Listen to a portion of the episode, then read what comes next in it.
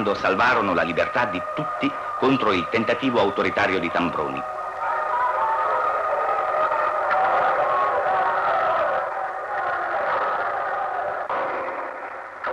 Allt börjar med en kravall.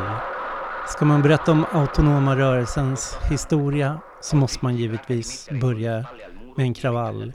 Och den här äh, historien börjar med en kravall i Genoa den 2 juli 1960. Det kan vi ta som startskott för den italienska autonoma rörelsen. Då unga arbetare och unga studenter i randiga tröjor går ut för att stoppa det återförenade fascistpartiet MSIs kongress. Men innan vi går in och pratar om den händelsen så tänker jag berätta lite vilka vi är och vad det här är för podd. Jag heter Mattias.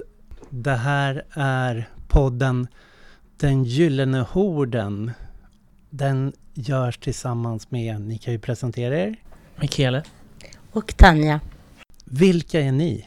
Eh, jag är konstnär och eh, forskare, engagerad i autonom vänster och intresserad av den här perioden som vi ska prata om. Och eh, jag är folkhögskolelärare men i grunden historiker och vänsterautonom italienare kanske man kan säga. Som nu bor i Stockholm. Ja, vad har ni för Italienkopplingar? Tanja, du är född? I Lund och eh, sen eh, flyttade jag med min familj då, som har italienskt påbrå, till Italien när jag var nio år. Och sen mm. flyttade jag tillbaka till Sverige för sju år sedan. Så man kan säga att hela mitt vuxna liv har jag levt i Italien. Mm. Jag är född i Sverige men båda mina föräldrar emigrerade på 70-talet till Sverige för att jobba. Jag har pluggat i Italien. Så jag har bott i både Bologna och Padua och varit aktiv i autonoma rörelsen mm. där.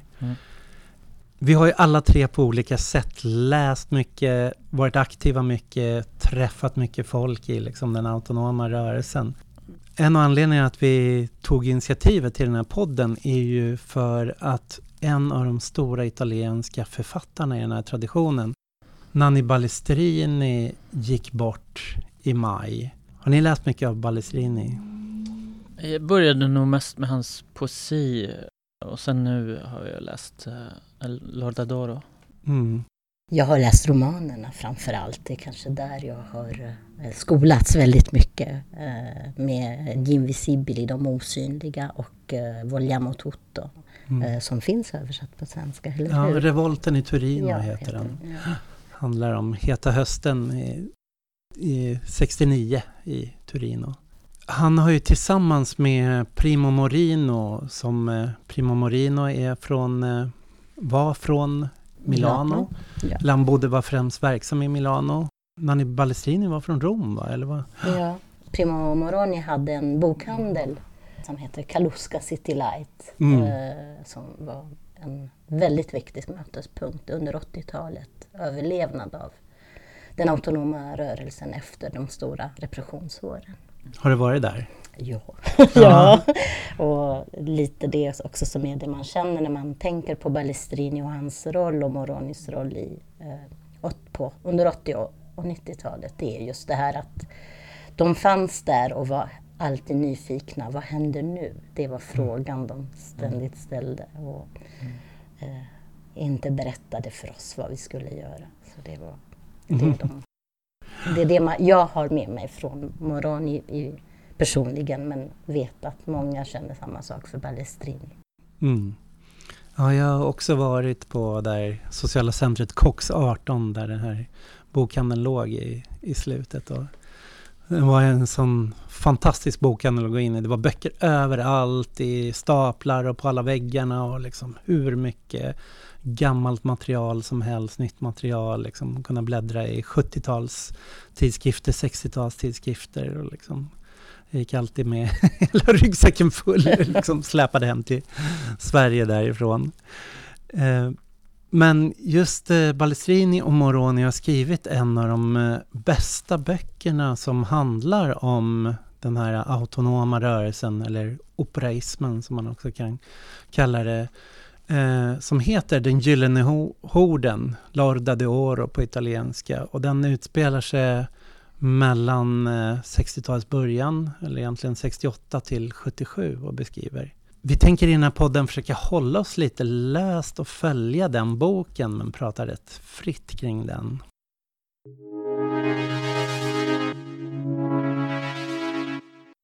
Om vi ska börja liksom, Italien från början, efter kriget, efter fascismens fall. Hur såg Italien ut? Liksom, hur ska vi beskriva läget för? Ja, det är, det är ju ett delat land. Mm. Och gränsen går troligen norr om, om Rom på något sätt. Mellan det Italien som känner att de har haft ett fascistiskt starkt förtryck i, i flera år och kämpat aktivt. Mm. Alla, även civilbefolkningen. Å andra sidan södra Italien som till vissa delar inte riktigt har varit med om samma historia där. För södra Italien blev mer befriat av de allierade som amerikanska trupper som klev in och Mussolini han blev ju tidigt avsatt, eller tidigt men han blev, han, då han satt ju vid makten i närmast över 20 år men eh, han blev avsatt i, i Rom av fascistpartiet, blev fängslad av eh, amerikanarna och det var redan runt 43 eller något sånt. Det är ju uh, juli 43. Ja. Och uh, det, då är det ju kungen som bestämmer att mm. han ska bli arresterad och så förs han till um, på berget Gran Sasso och där mm. stannar han ett par månader till nazisterna kommer med en helikopter och befriar honom. Och ja, det är en elitstyrka som ja, hoppar ner och hämtar upp honom. Ja. Och, uh, 8 september 43 så skriver ju den nya premiärministern Badoglio under eh, freds, eh, fredsavtal med de allierade. Mm. Och då upprättar eh, Nazityskland som ett lydrike i norra Italien då, den så kallade Salorepubliken eller? Först ockuperar de ju hela ja. Italien. Och sen 44 så kommer de allierade till Sicilien och marscherar upp mot Rom. Rom. Mm. Roma Città Aperta är väl ja. inspelad under fortfarande ja, ockupation. Liksom. Ja. Det är en fantastisk film. från... Och Choucha som är från, mm. det är ju istället Neapels revolt mot nazisterna. Där på våren 44. Mm. Så de allierade klev in där med Ja, kanske även maffians stöd. Mm. Eller? De tog med sig maffian. De tog med sig maffian. de återinförde de maffian med, med Lucky Luciano där ja. som kommer från Cosa Nostra. Medan i norra Italien så är det då partisanrörelser ja. som är både liksom partisanrörelser kopplade till kommunistpartiet och socialisterna men även kristdemokratiska partisaner. Ja, och äh, även spontant. Ja. Väldigt mycket spontanism, mycket mer än det vi tror. Mm. Anarkister som, som kämpar. Men det som är också viktigt är att kommunistpartiet mobiliserar ju från södra Italien också. Så det, det finns mm. en, en, uh, en av um, oh, vad heter han? Han har skrivit Il Partigiano Johnny. Mm. En, författare, en italiensk författare som har berättat, Beppe Fenoglio. Mm. Han skriver om befrielserörelsen och motståndsrörelsen i eh, Piemonte. Mm. Och då beskriver han kapitan, eh, en, en kapten partisankapten och han kommer från en liten by i södra Italien. De mm. åker via Jugoslavien in i, i norra Italien mm. Eh, och kämpar. Eh, men där är det då särskilt eh, kommunister från, som är bundna till partiet som har då ekonomiska och resurser för att förflytta sig på de sträckorna genom Balkan. Mm. Efter kriget blir partisanerna också lite splittrade, eller hur? De, det är ju de som på, på många sätt ser befrielsen som en chans att uh, gå vidare i, i det politiska projektet till revolution.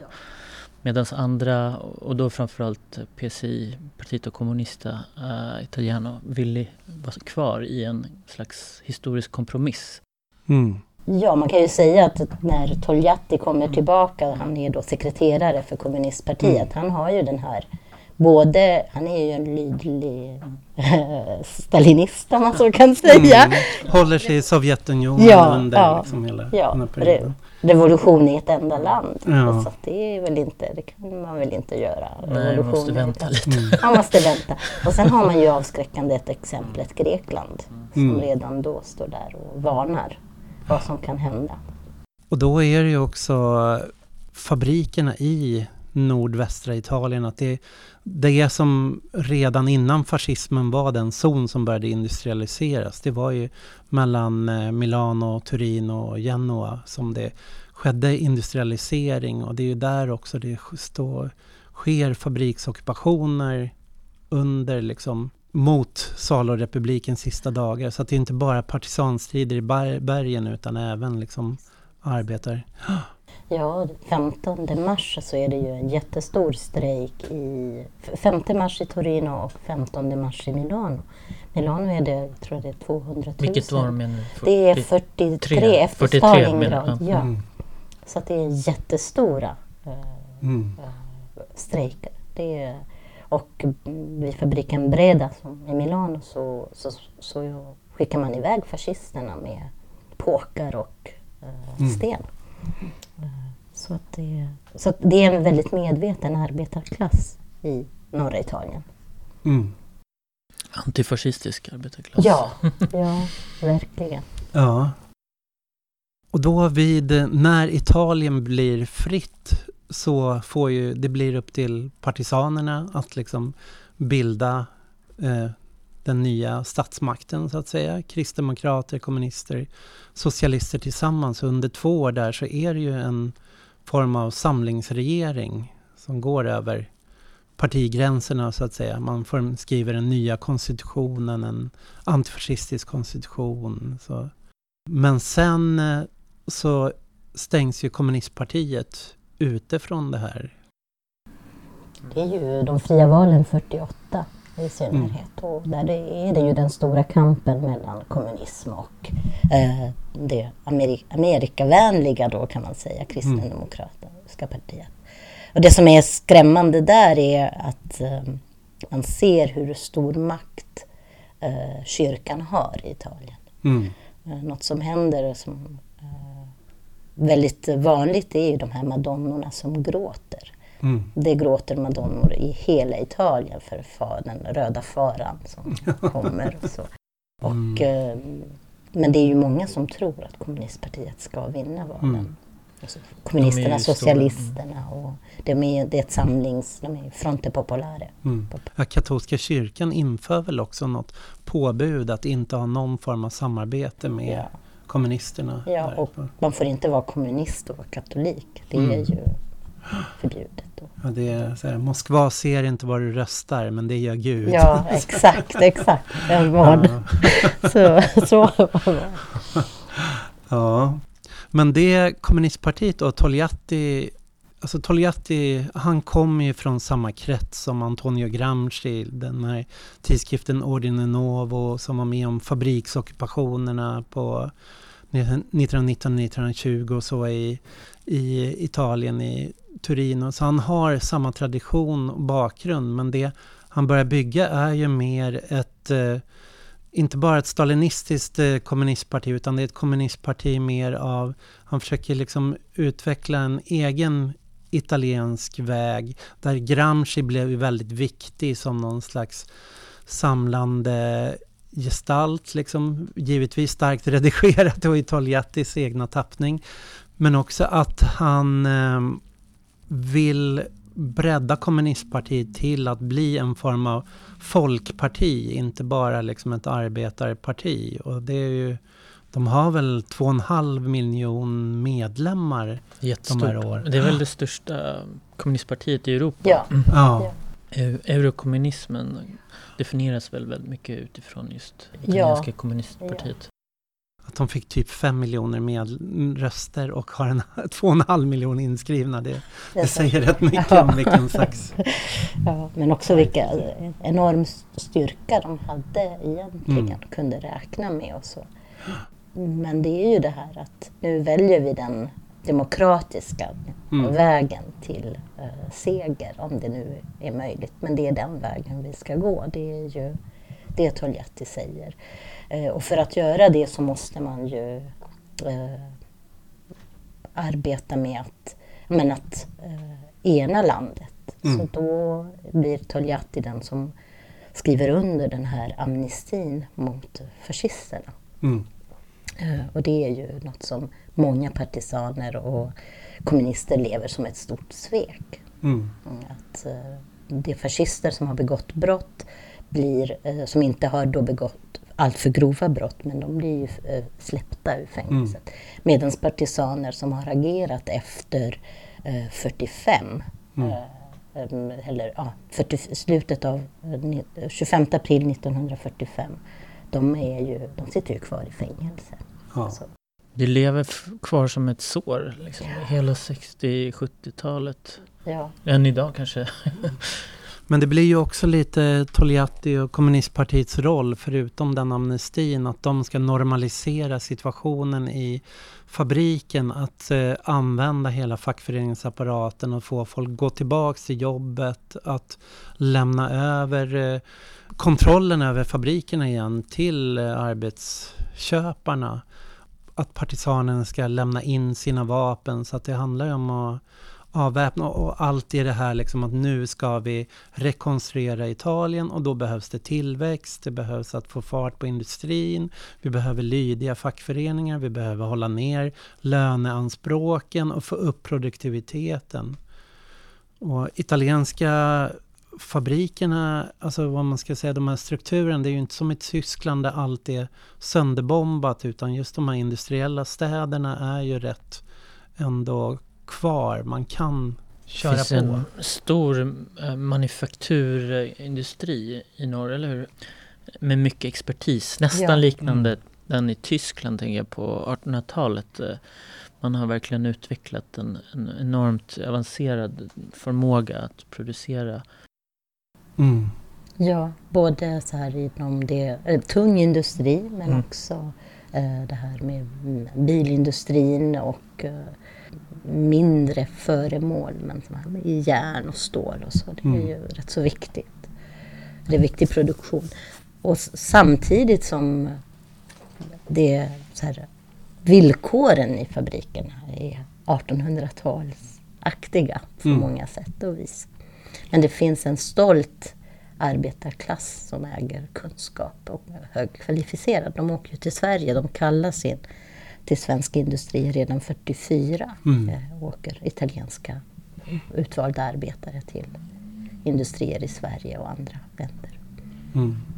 Kan man också beskriva att just efter krigstiden så ökar på något sätt repressionen i de här magasini, de här fabrikslokalerna kontrollmekanismer, olika typer av övervakning och så blir mer ja. mm. tydlig och, och, saker och löner stagnerar eller ännu, ännu mer. Ja, ja, men det, jag var för några år sedan, så, ja, rätt så många år sedan faktiskt, så råkade jag, det var en fabrik i norra Italien i Bolzano som hade brunnit ner. Och då var vi där och gjorde lite så här mm. sökte lite, vad, vad hade de för intressanta saker och mm. material. Mm och hittade en gammal bok från 47 till 52 där arbetsledaren hade skrivit, ante eller hade antecknat eh, och eh, observationer kring varje enskild arbetare. Mm. Så det var verkligen en nästan panoptisk kontroll. Vad de gjorde mm. vid linjen, vad de gjorde hemma, vad de gjorde på rasterna.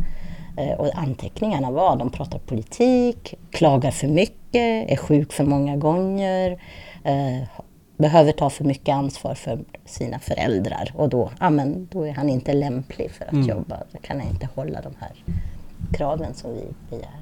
Så, så det är väldigt, stark kontroll.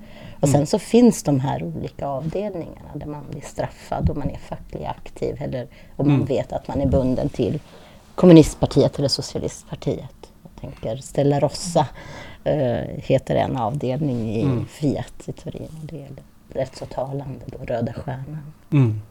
Man får gå på dagen liksom om man Ja. visar sig för eh, olydig. ja. Ja.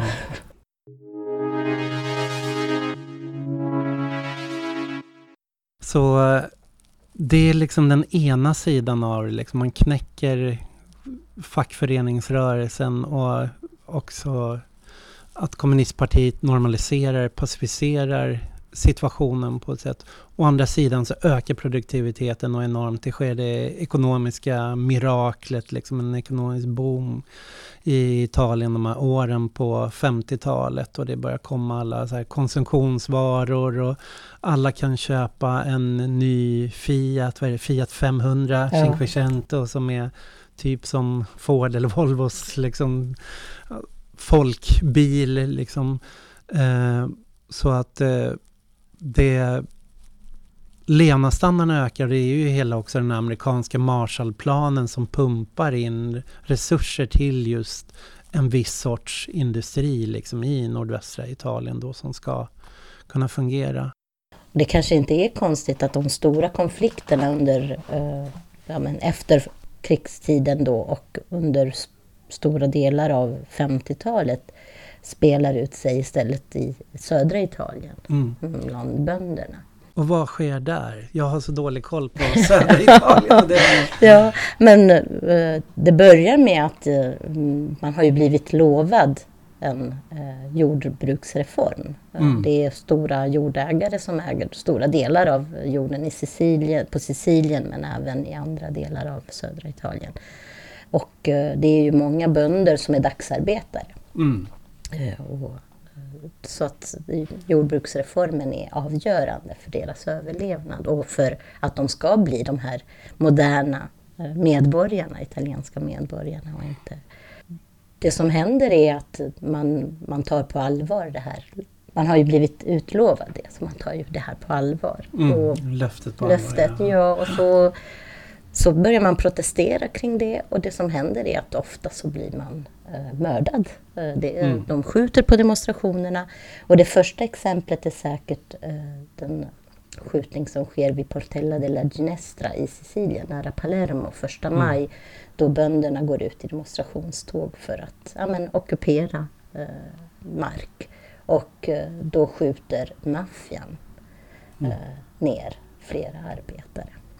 Mm. Eh, Och i den by jag kommer ifrån så blir det den 20 november 1947 så är det en samling bönder som har bestämt sig att tåga ut och ockupera storbondens Mm. jord. Och Carabinieri, då, polisen, skjuter på massan och dödar två unga män, Maci, eh, Nino Maci och Angelo Tramacere som, som Mm. dör. Och de där jordockupationerna fortsätter sedan under 50-talet. Ja. Och, Ja, det, det stora ockupationer både i det området nära syd om Neapel, Battipaglia mm. eh, och eh, Sicilien. Eh, På Sicilien är det ju väldigt mycket det kommunistpartiet ägnar sig främst åt. Det är ju att stötta och de här jordockupationerna. Mm. Och också de stora fackföreningarna. De står Mm. ju där på, på böndernas sida. Mm. Men det blir ju ingen, eller det blir en liten reform, inte en Mm. stor Nej. reform. Så dessa unga män som, som trodde på demokratin Mm. är lite besvikna. Och samtidigt då i norra Italien så sväller de här fabrikerna något enormt. De växer och de här, eh, vad ska man säga, storstäderna som Milano, det var väl i början av 50-talet tror jag är bara runt en miljon invånare eller något sånt och det växer det är väldigt snabbt liksom. Det flyttar in en halv miljon invånare. Det, tidigare har alla bott i rätt blandat i liksom centralt innerstäderna. Det har funnits arbetarkvarter i liksom innerstäderna och nu börjar det växa fram som ja, det vi i Sverige skulle kalla miljonprogrammen, liksom enorma sådana Ja. sovstäder i utkanten liksom dit arbetarna flyttas ut till. Och de kommer ju mycket väl från också södra, Italien. Ja, man räknar ju att de första året, första året där så är det mellan en, halv, en och en halv miljon två miljoner människor som rör sig från södra Italien. Och det är bara början av 60-talet. Mm. Så det är en enorm massa. Och många av dem har ju erfarenheter av repression. Mm. Så då plötsligt så har vi de gamla fabriksarbetarna som brukade vara med i kommunistpartiet, fackligt anslutna, som också har sett till att ha en väldigt så här, yrkesstolthet, man ska driva på produktiviteten, man ska eh, de kanske också hållit tillbaks de vilda strejkerna och sen så får vi då det här en eh, ny ung generation och en migranter från södra Italien. Så att det börjar få en ny sammansättning i de här fabrikerna som är mycket har liksom kommit att organiseras efter så här Fordistisk modell med löpande band. Och, så att sammansättningen förändras men både kommunistpartiet och det finns ju ett italienskt socialistparti som är mindre då som, som PCI och PSI som Partito Socialista Italiano. De tappar ju medlemmar i fabriken de här åren. Man får komma ihåg också vad som sker internationellt och att eh, 1956 så går ju också Sovjetunionen in och krossar arbetaruppror i Poznan i Polen och i Ungern, rådsupproret där. Efter Stalins död så börjar också med Khrushchev göra upp med, ta upp och lyfta Stalins förbrytelser under Sovjetunionen och det här innebär ju också att det är många intellektuella, det är många teoretiker, det är många andra som börjar lämna kommunistpartiet av den anledningen också. Ja, man kan ju säga att hela den, en, en väldigt stor andel av de intellektuella som var anslutna till kommunistpartiet, och jag tänker på författare, Italo Calvino, men mm. även andra som, som känner att det är inte en plats för oss. Mm. Och det, det betyder ju mycket. Att, och vi har ju andra namn där som vi kommer att mm. träffa ofta i den här podden som, som bryter upp. Så då har vi å ena sidan en rörelse av folk bort från kommunistpartiet och en tappad medlemsbas, en tappad bas i arbetarklassen där man förlorar medlemmar. Man är fortfarande ett, kommunistpartiet är fortfarande ett massparti, liksom, socialistpartiet är också starka. Men, så i den här liksom intressanta cocktailen, liksom, det är där det börjar hända nya saker då. Skulle kunna säga att de får inte riktigt grepp om de här nya generationerna. Det är samtalet med de här nya arbetarna som inte riktigt fungerar. Partierna menar du? Ja, partierna. Ja, men också just eh, att det är väldigt många reformer som man begär som inte blir lyssnade till. Eh. eh. Fast det blir ju också, vi kommer väl på 60-talet mer, nu är vi snarare 50-talet, men sen kommer ändå vissa typer av fackliga eh, lagar, möjligheter att strejka, möjligheter att uh, samla sig um, och tala fritt som arbetare i fabrikerna just på grund av strejkerna. Mm. Så att um, man behöver nyansera lite bilden. Liksom. Mm. Men frustrationen kommer väl också väldigt mycket av att just att ha förlorat någonting och komma till norr med vissa förhoppningar och hitta en ny form av repression.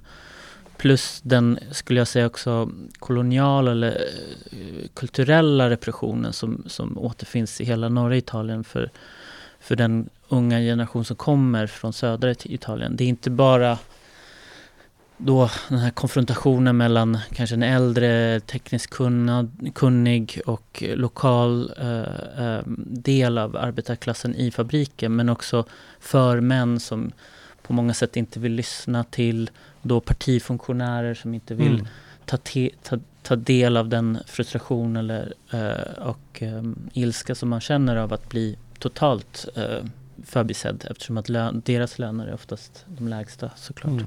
Det finns en sång mm. från 67 mm. tror jag. Luigi Tenco sjunger en sång mm. som handlar just om det här att uh, man, de här, den här generationen som längtar sig bort från mm ett liv i misär och så kommer man till den stora staden och allt är nytt och man märker att man inte har någonting som man kan mm. använda. Man har inte kunskapen, man har inte de färdigheter som det moderna livet kräver. Uh, och samtidigt uh, att, man, att man blir marginaliserad där också. Rätt så levande berättelse i den just mm. i den svängen. Det som händer många. Också den här ilskan som lagrar sig då. Som du säger, kulturell. Och språket, inte ja. minst.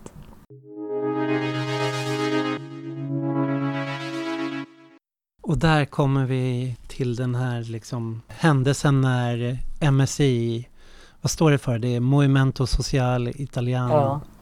Som eh, är, alltså i, i Tyskland förbjöds ju nazipartiet att fortsätta. Det blev ju förbjudet. I Italien förbjöd man väl en kontinuitet av fascistpartiet men alla de gamla fascisterna kunde enas och bilda ett nytt parti. Som... Ja, det finns ju i italienska grundlagen, står det ju att man inte får återbilda fascistpartiet. Mm. Eh, och då bytte de bort namnet. De säger inte att de är fascister. De är Movimento Sociale Italiano Destra Nazionale, national, mm. höger. Men eh, ledaren för det partiet, eh, Almirante, han, är ju en, han var ju en ökänd mm. fascist. Eh, och många av medlemmarna har ju varit det. Mm. Eh, så det fanns en kontinuitet och de skulle ha en kongress i eh, Genua. Och det här var väl också samtidigt när Kristdemokraterna började öppna upp dörrarna för att plocka in dem och kunna göra ja. förlita sig på deras röster liksom för att vinna majoritet. I parlamentet, ja, ja. absolut. Eh, och det, då blir de lovade att de ska få hålla en kongress. Mm. Och just Genova är ju en stad som hade betalat ett högt pris under kriget och som är så här, hade fått erkännande som eh, Mm. för motståndsrörelsen som var där, de hade utvecklats där. Så det var verkligen en skymf mot dem att ja. begära att nu ska vi bilda vårt parti igen här. I den här röda hamnstaden. Ja, exakt. Partisanhögkvarter. ja. Om man sen, sen, tänker senare, Sandro Pertini som har varit ja, republikpresident. Mm. Och, han är ju från Genova. Han var ju mm. så här, satt fängslad nästan under hela fascismen. Så mm. det är också så här. Men det är ju en stad som har uttryckt sitt eh, hat mm. i, i väldigt starka organiserade former under hela eh, mm. fascismen, inte bara under krigstiden. Och så. Jag kommer ihåg faktiskt på 2000-talet var jag i Genova på första maj och de hade ju en enorm social, alltså den typen av folkfest som det var.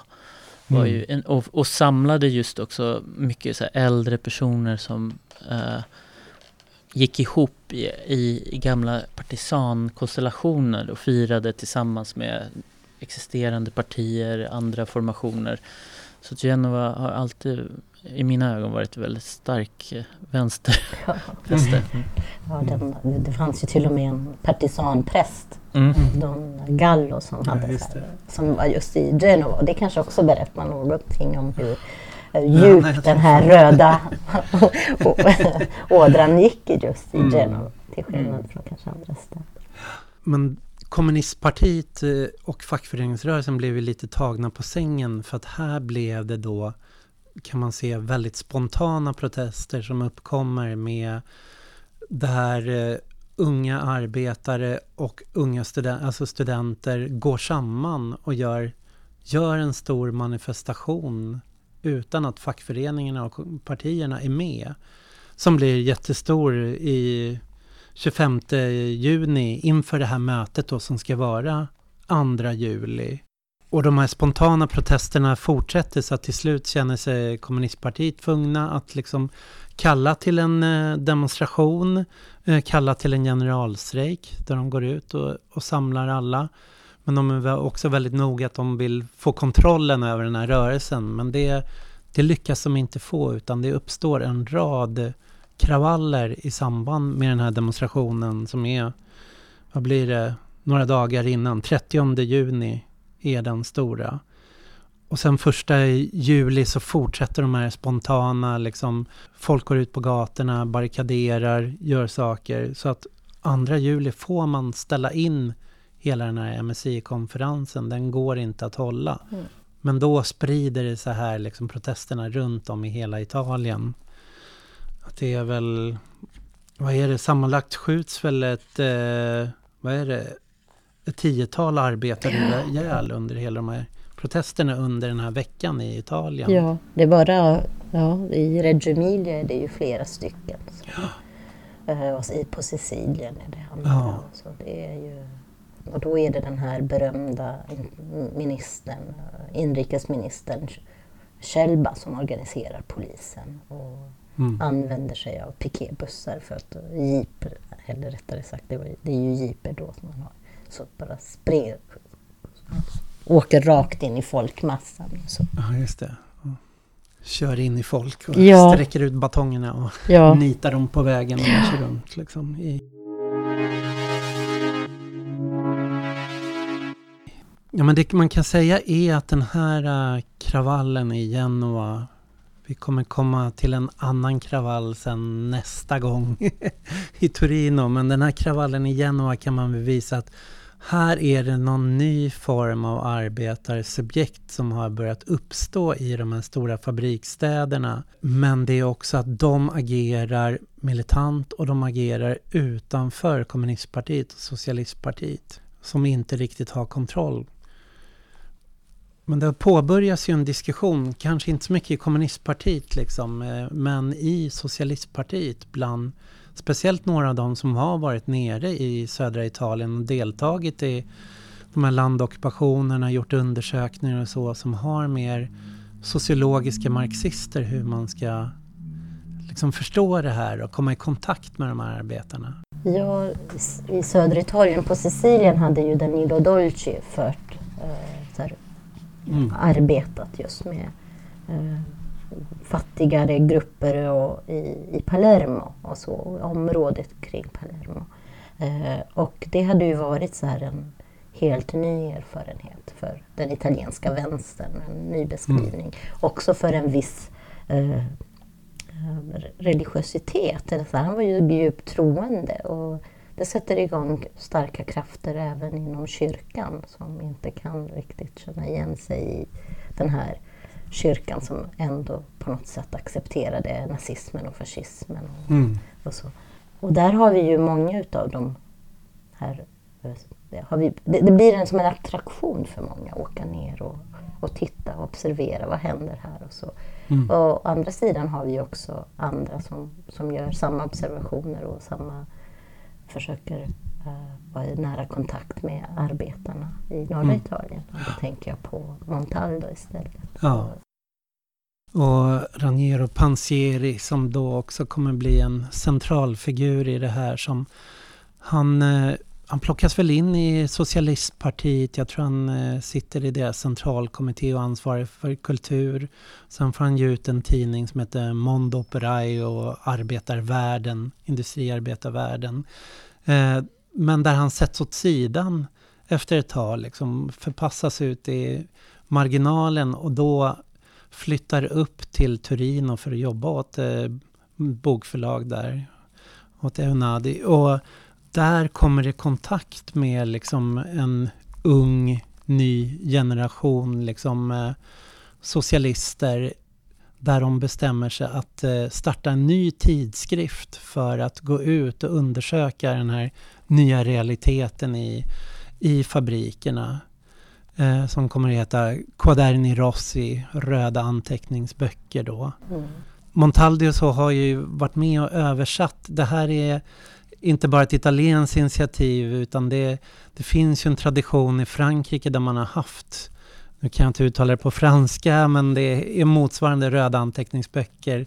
Eh, en tidskrift som de hade där och de har en eh, Daniel Motte som är en militant som har jobbat på Renault, som har skrivit som en dagbok från Renault.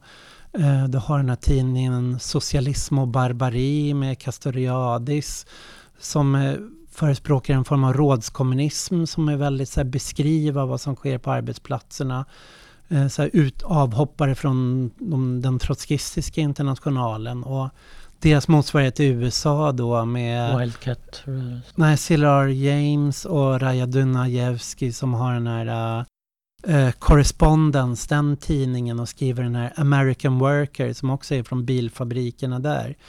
Så att det som kommer till Italien är både den här influensen syd, söderifrån liksom med undersökningarna av eller landockupationerna och de här influenserna att gå ut och beskriva mer vardagen, vardagslivet hos arbetarna på fabriken, hur deras informella motståndsformer och... Och där kommer de ju till den här banbrytande och absolut radikala slutsatsen att eh, utöver det partierna säger så bildas motstånd och eh, världsuppfattningen som arbetarna har, det kommer ju från fabriken. Det är där deras värld och deras motstånd ska agera eh, mm. finns.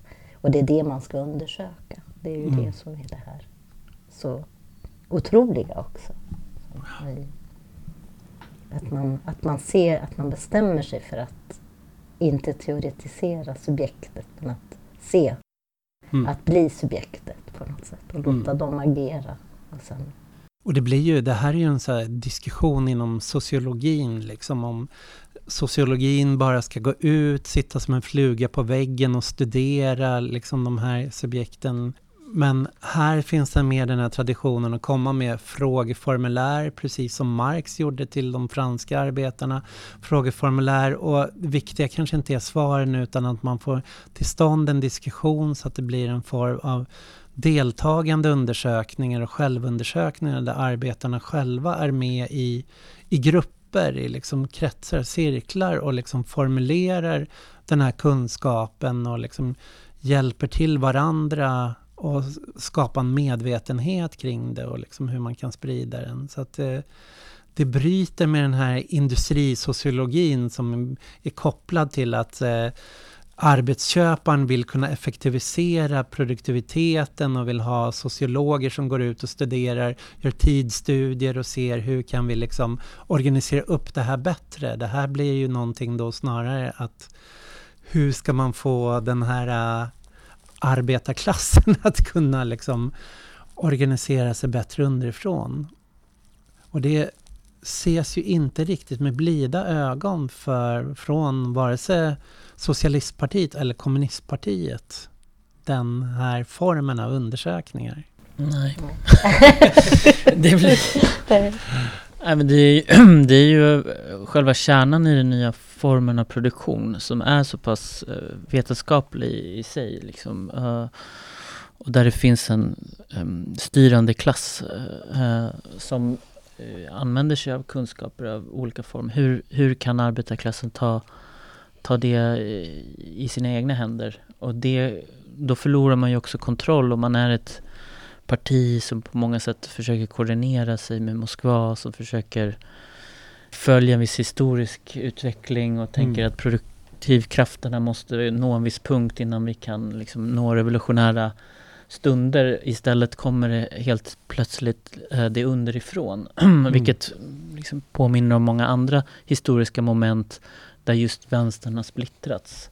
Mm. Just i den frågan. Och det hotar ju väldigt många kan jag tänka mig inom kommunistpartiet och etablerade partiformationer att, att försöka för, tänka sig att ja, här samlas arbetarna själva och, och mm. inte bara förstår sin egen roll utan eh, tar för sig politiskt och tar för sig som ett kollektiv och formar sig kollektivt mm. blir en kollektiv kraft på alla, med, på alla sätt, både mentalt och fysiskt. Liksom. Mm.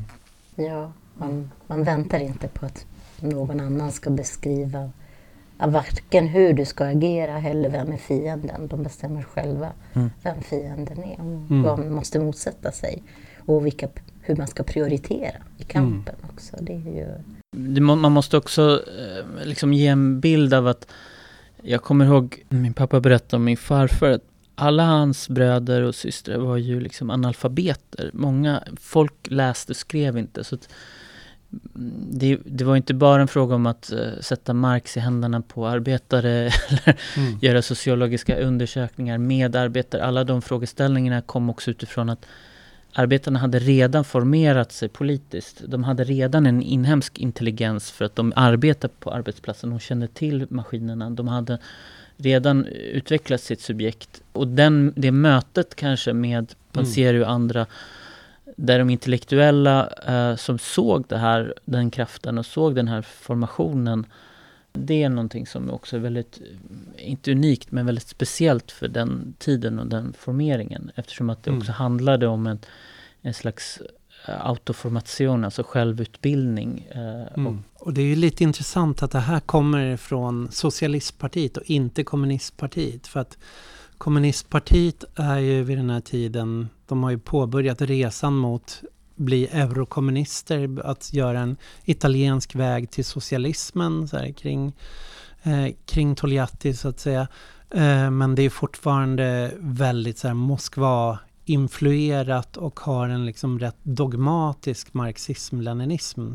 Precis som du sa, tron på att man ska öka produktiviteten, man ska effektivisera, att det är liksom eh, skynda på eller driva på och hjälpa kapitalismen att utvecklas åt ett visst håll för att socialism ska bli möjligt. Medan Socialistpartiet, de var, det var inte ett socialdemokratiskt parti utan de såg ju snarare socialdemokratin som ena diket att ramla i och liksom eh, kommunismen eller Moskvakommunismen som andra diket. Så de försöker hitta någon form av marxist-leninistisk väg däremellan som gör att det, det blir en öppnare diskussion i Socialistpartiet. Att du, de läser eh, trotskism, de läser Bordiga, de läser sociologi, men framförallt de läser Marx igen, liksom inte via annat.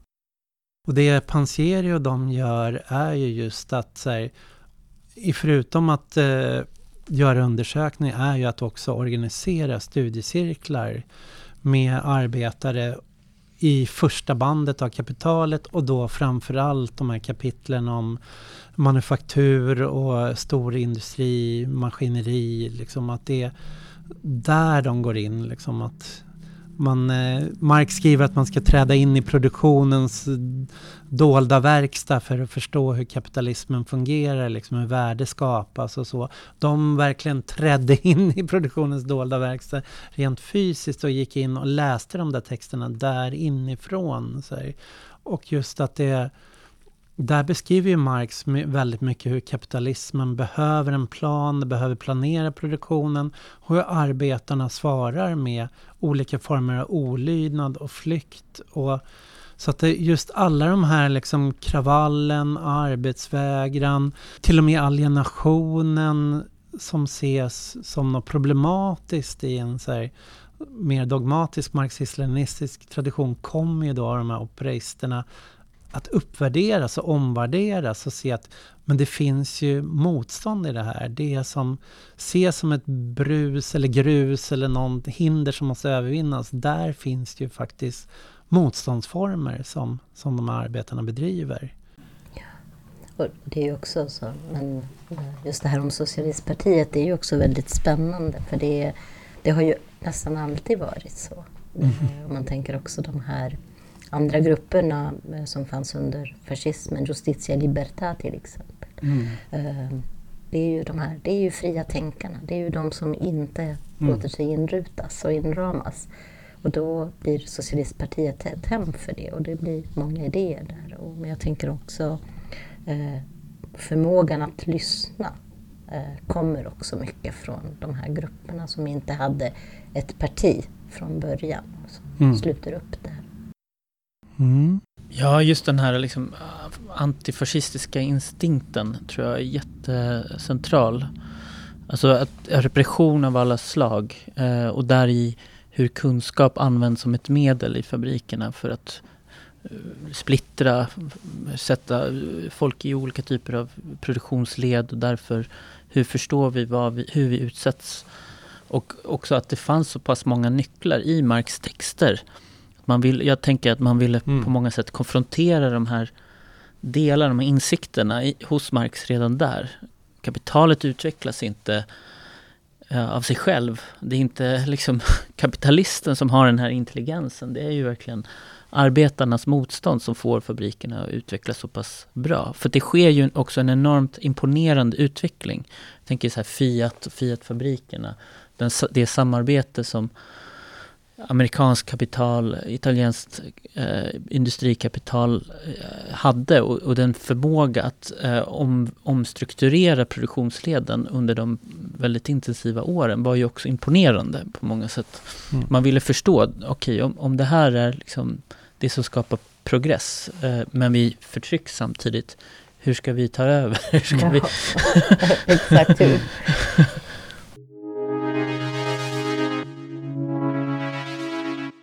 Kommer i nästa avsnitt gå in lite djupare på det här. Hur gick de här undersökningarna till i mm. de här stora bilfabrikerna i Fiat i Mirafiori utanför mm. Turin, Turin och, och, Men jag tänker man kanske ändå kan prata om några varför är det intressant för oss att titta på det här idag? Liksom? För just nu pratar vi ofta om att här, socialdemokratin har en kris, vänstern har en kris. Situationen ser ju inte ljus just nu ut för vänstern. Och högern jublar att ja, men vänstern är döende. Men här ser vi att vänstern har ju dött många, många gånger i historien och också hittat en väg tillbaks. Liksom. Vad är det för redskap man hittar här för att återskapa en ny vänster? För mig är det nog främst det här att, att kunna tänka utanför ramarna. Att våga vara, eh, att inte vara ortodox i sin, mm. i sin lära och att inte vara rädd att hitta nya subjekt. Att, att inte tänka att ja, men, det här är min definition, jag utgår från den. Men att ha förstoringsglaset till anda och titta lite. Vad, vad händer? Mm. Vad ser jag? Vad ser jag konfliktlinjerna? Och, och, gå bakvägen kanske. Hitta konfliktlinjerna och se vem som praktiserar konflikten. Vem som agerar konflikt. Mm. Och det tror jag det vi kan lära oss. Vad händer i verkligheten? Där produktionen sker, eller där konflikterna sker. Vem är det som sätter, ja, sätter saker på spel? Mm. Ja. Ja, verkligen. Där det finns förtryck finns det motstånd. Uh, och uh, jag tycker det, det, är svårt att alltid generalisera en specifik tid och historia. Det är så, så, mycket man kan alltid säga, nej så var det inte. Det fanns andra villkor som gjorde det väldigt annorlunda än vad det är idag i Sverige eller eh, andra delar av världen just då som, som var mer eftersatta just i, den industriella produktionen.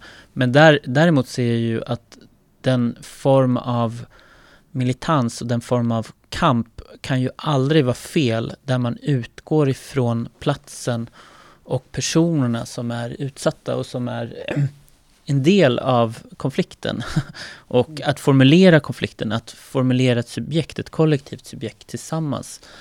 Uh, vad man än har för politisk eh, begär idag, vad man än ser som politisk begär så måste man på något sätt inse att det, det mötet med och i och genom och utifrån den, den typen av platser och personer som, uh, som man kan formulera någonting, vad det nu mm. är.